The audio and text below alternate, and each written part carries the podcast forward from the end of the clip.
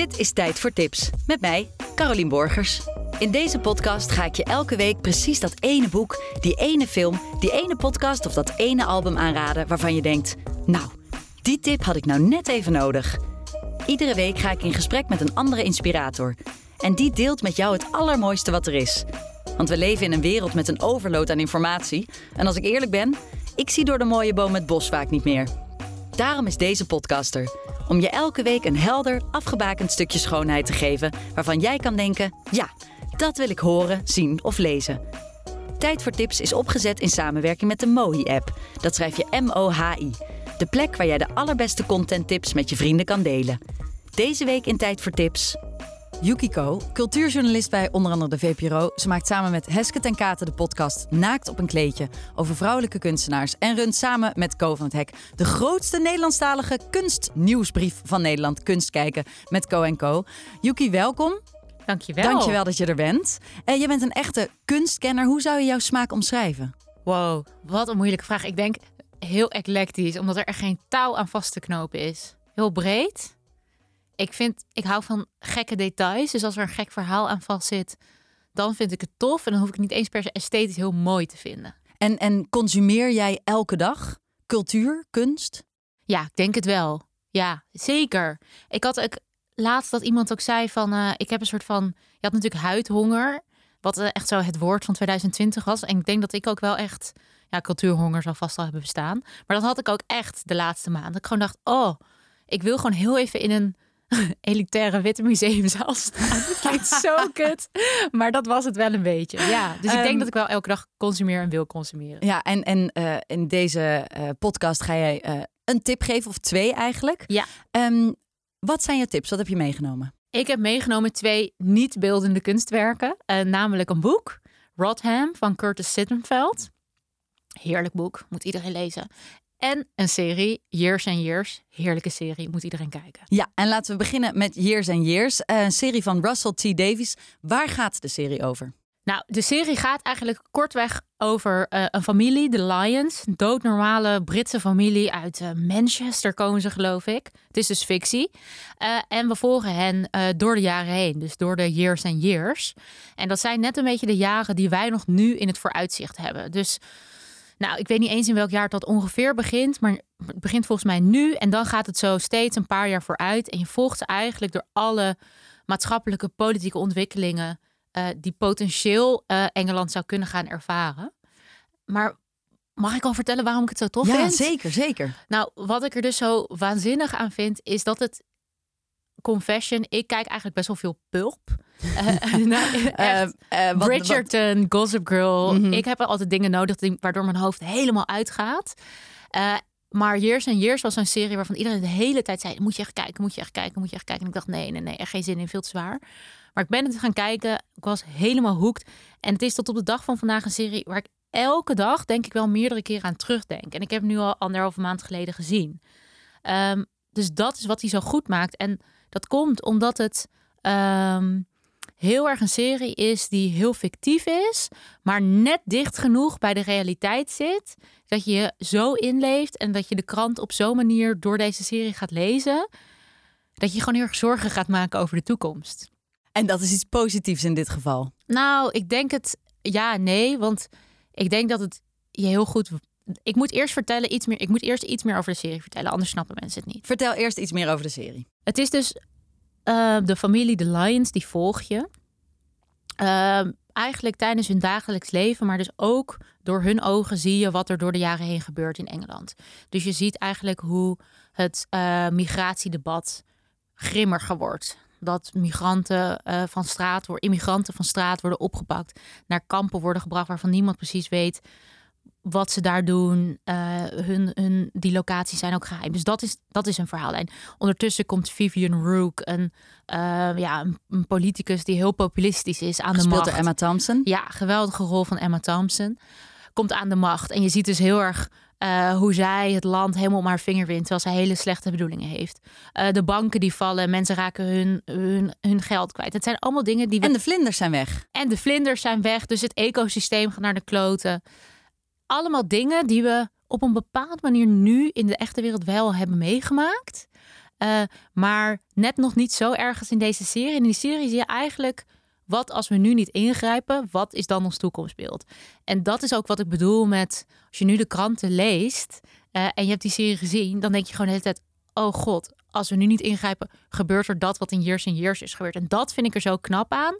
Het is net surrealistisch genoeg dat je erin kan verdwijnen, maar ook net realistisch genoeg dat het je echt aan het denken zet. Is het dystopisch te noemen? Ja, zeker. Want als je het zo vertelt, doet het me ook een beetje denken aan Black Mirror. Absoluut, dat is een hele goede vergelijking. Dus, ja. dus liefhebbers van die series moeten eigenlijk ook deze serie kijken. Ja, nou het is eigenlijk een soort West Wing meets Black Mirror. West Wing meets Black Mirror. Dystopisch en toch uh, over een bepaalde groep mensen die je volgt gedurende een bepaalde tijd. Ja, ja. En politiek dus ook erg politiek heel erg. En het maakt denk ik ook de headliners achter het nieuws heel menselijk. Dus er zit een hele belangrijke verhaallijn. Is eigenlijk van een, uh, van een stel. Uh, Danny, uh, de, jong, de zoon van de Lions. En hij wordt verliefd op, op een jongen die een um, verblijfsvergunning in Engeland probeert te krijgen. Maar hij wordt teruggestuurd. En zij proberen samen eigenlijk hem steeds weer toch naar Engeland te halen. Danny gaat hem op een gegeven moment zelfs opzoeken. Um, Mogen we spoilen in deze podcast of niet? Um, klein beetje. Nou, op een gegeven moment gebeurt er iets dramatisch met Danny. tum, tum, tum. tum, tum, tum. Uh, en door wat er met Danny gebeurt, maar niet met dus zijn vriend die een, die een uh, uh, vergunning wil hebben, eh, maakt het het heel menselijk. Want je kan je, hoe stom ook, veel meer identificeren met, een, met iemand die een West-Europees paspoort heeft dan iemand die dat niet heeft. En dat maakt het ook, nou ja, eigenlijk herhaal ik mezelf. Dat maakt het gewoon dat het zo herkenbaar is. En dat je gewoon kan denken, dit gaat over mij. En het zijn zes afleveringen ja. van een uur. Is heel erg behapbaar. Totaal behapbaar. Heb je, het in één keer gekeken? Uh, nee, want ik heb net een kind. Dus ik kan dan sowieso geen series meer bingen. Dat, dat is nadeel van een kind hebben. Er zijn ook heel veel voordelen. um, maar um, ik heb het uh, elke avond eentje. Uh, ik heb wel de fout gemaakt om het uh, vlak voor bedtijd te kijken. Dat zou ik absoluut niet doen. Oké, okay, Het is echt een ontbijtserie. Want het is niet uh, omdat je erover gaat dromen. Je gaat erover dromen. Je kan niet slapen. Maar het je... is niet eng. Het, nee, nee, het is niet eng. Nee, want ik vind Lord of the Rings eng. En ik vond Years and Years heerlijk. Ja, precies. En deze, deze maker, Russell T. Davis, die heeft ook um, It's a Sin gemaakt. Onder andere, heb je dat ook gezien? Nee, wel veel goede verhalen over gehoord. Nou, dat is dan mijn tip van, van vandaag. Dat je die ook moet kijken. Ja, en die staat ook geloof ik gewoon op de, op de terugkijksite van de publieke omroep. Ja, waar ik nu de naam niet van zal noemen. Nou, dat mag volgens oh, mij prima. staat gewoon op gewoon NPO, NPO Start. Start. Wat een reclame. Oké, okay, Years and Years is jouw eerste tip. Jij zegt eigenlijk als je liefhebber bent van series, een beetje politiek, een beetje dystopisch, kijk deze serie. Ja, en als je houdt van een moeder aarde. Van moeder aarde. Nou, ik kan me niet voorstellen dat er iemand is die daar niet van houdt. Jouw volgende tip. Rodham. Ik heb moeite met het uitspreken van die naam. Rodham? Rod wow, ja, nu, nu jinx je het helemaal. Nu kan ik het ook niet meer uitspreken. Rodham. Rodham? Rodham. Rodham. Rodham. Curtis Sittenfeld. Ja. Um, vertel, waar gaat dit boek over? Nou, uh, het is eigenlijk weer een fictieve vertelling die heel dicht bij de waarheid zit. Het gaat namelijk over Hillary Rodham, die wij beter kennen als Hillary Clinton. Uh, de nou ja, ik wilde zeggen de vrouw van, maar dat is zij helemaal niet. Ze is gewoon een steengoede politicus. Uh, het gaat over haar leven. Wat er, hoe haar leven was gelopen als ze niet met Bill Clinton was getrouwd. Ah, dat is de premisse van het boek. Dat is de premisse van het boek. Wat zou er zijn gebeurd met Hillary, ja. dan dus niet Clinton? Ja, als Hillary, ze niet Hillary, als ze niet precies was ja. geworden. En wat gebeurt er met Hillary? Nou, uh, het gaat eigenlijk supergoed met Hillary zonder Bill. Want ze ontmoet Bill wel. Maar uh, op een gegeven moment denkt ze ook... ja, Bill, uh, jij bent echt helemaal geen good guy. Wat we natuurlijk ook wel weten. Dus zij laat Bill ook weer achter in haar leven. Het dus gaat uit. Het gaat uit. Ja, ze komt erachter. Want dit is totaal geen spoiler. Want het is helemaal aan het begin van het boek. Ze ontmoet Bill, krijgt een heerlijke romantische romcom-achtige relatie met uh, twee intellectuelen die elkaar lekker volgen terwijl ze hun carrière najagen. En op een gegeven moment komt ze erachter dat Bill gewoon, uh, ja, een two-timer is. Is dat, is dat dat je vreemd gaat? Ja. Oh, ja, ik leer zeker. ook dingen. Zo, ik voel me echt super uh, braaf nu. Dat Bill dus een two-timer is. Daar komt ze dus achter.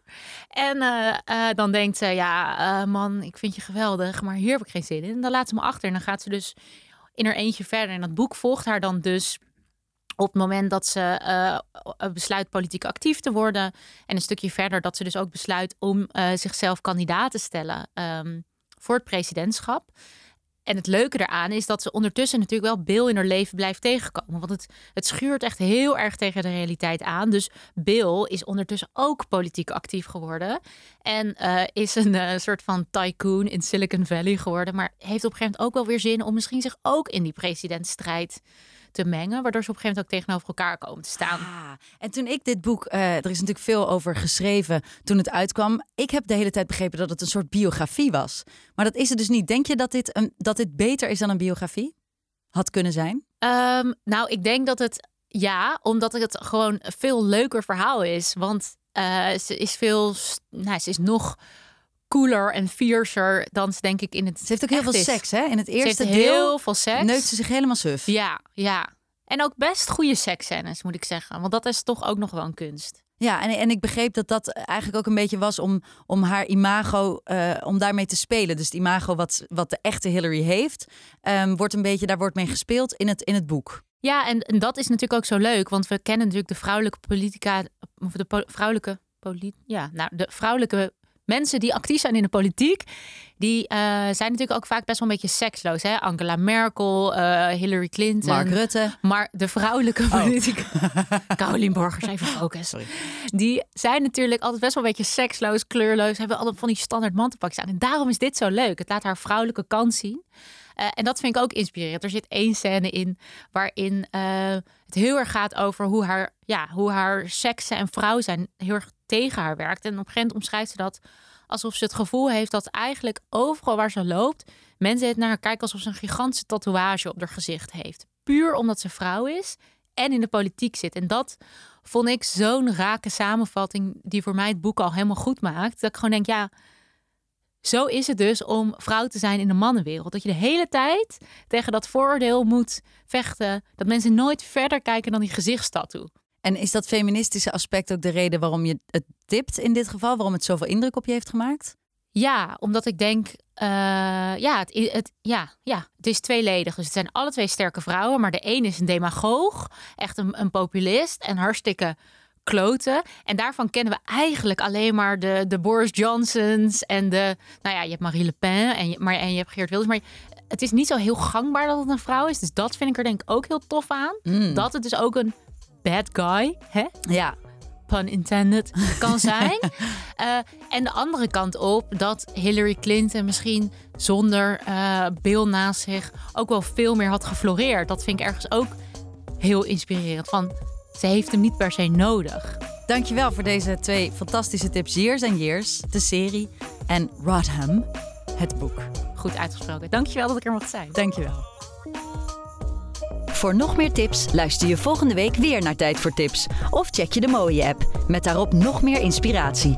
En mocht je nou zelf een waanzinnige aanrader hebben, laat me dat dan weten door een mailtje te sturen naar tijdvoortips.mooi.app.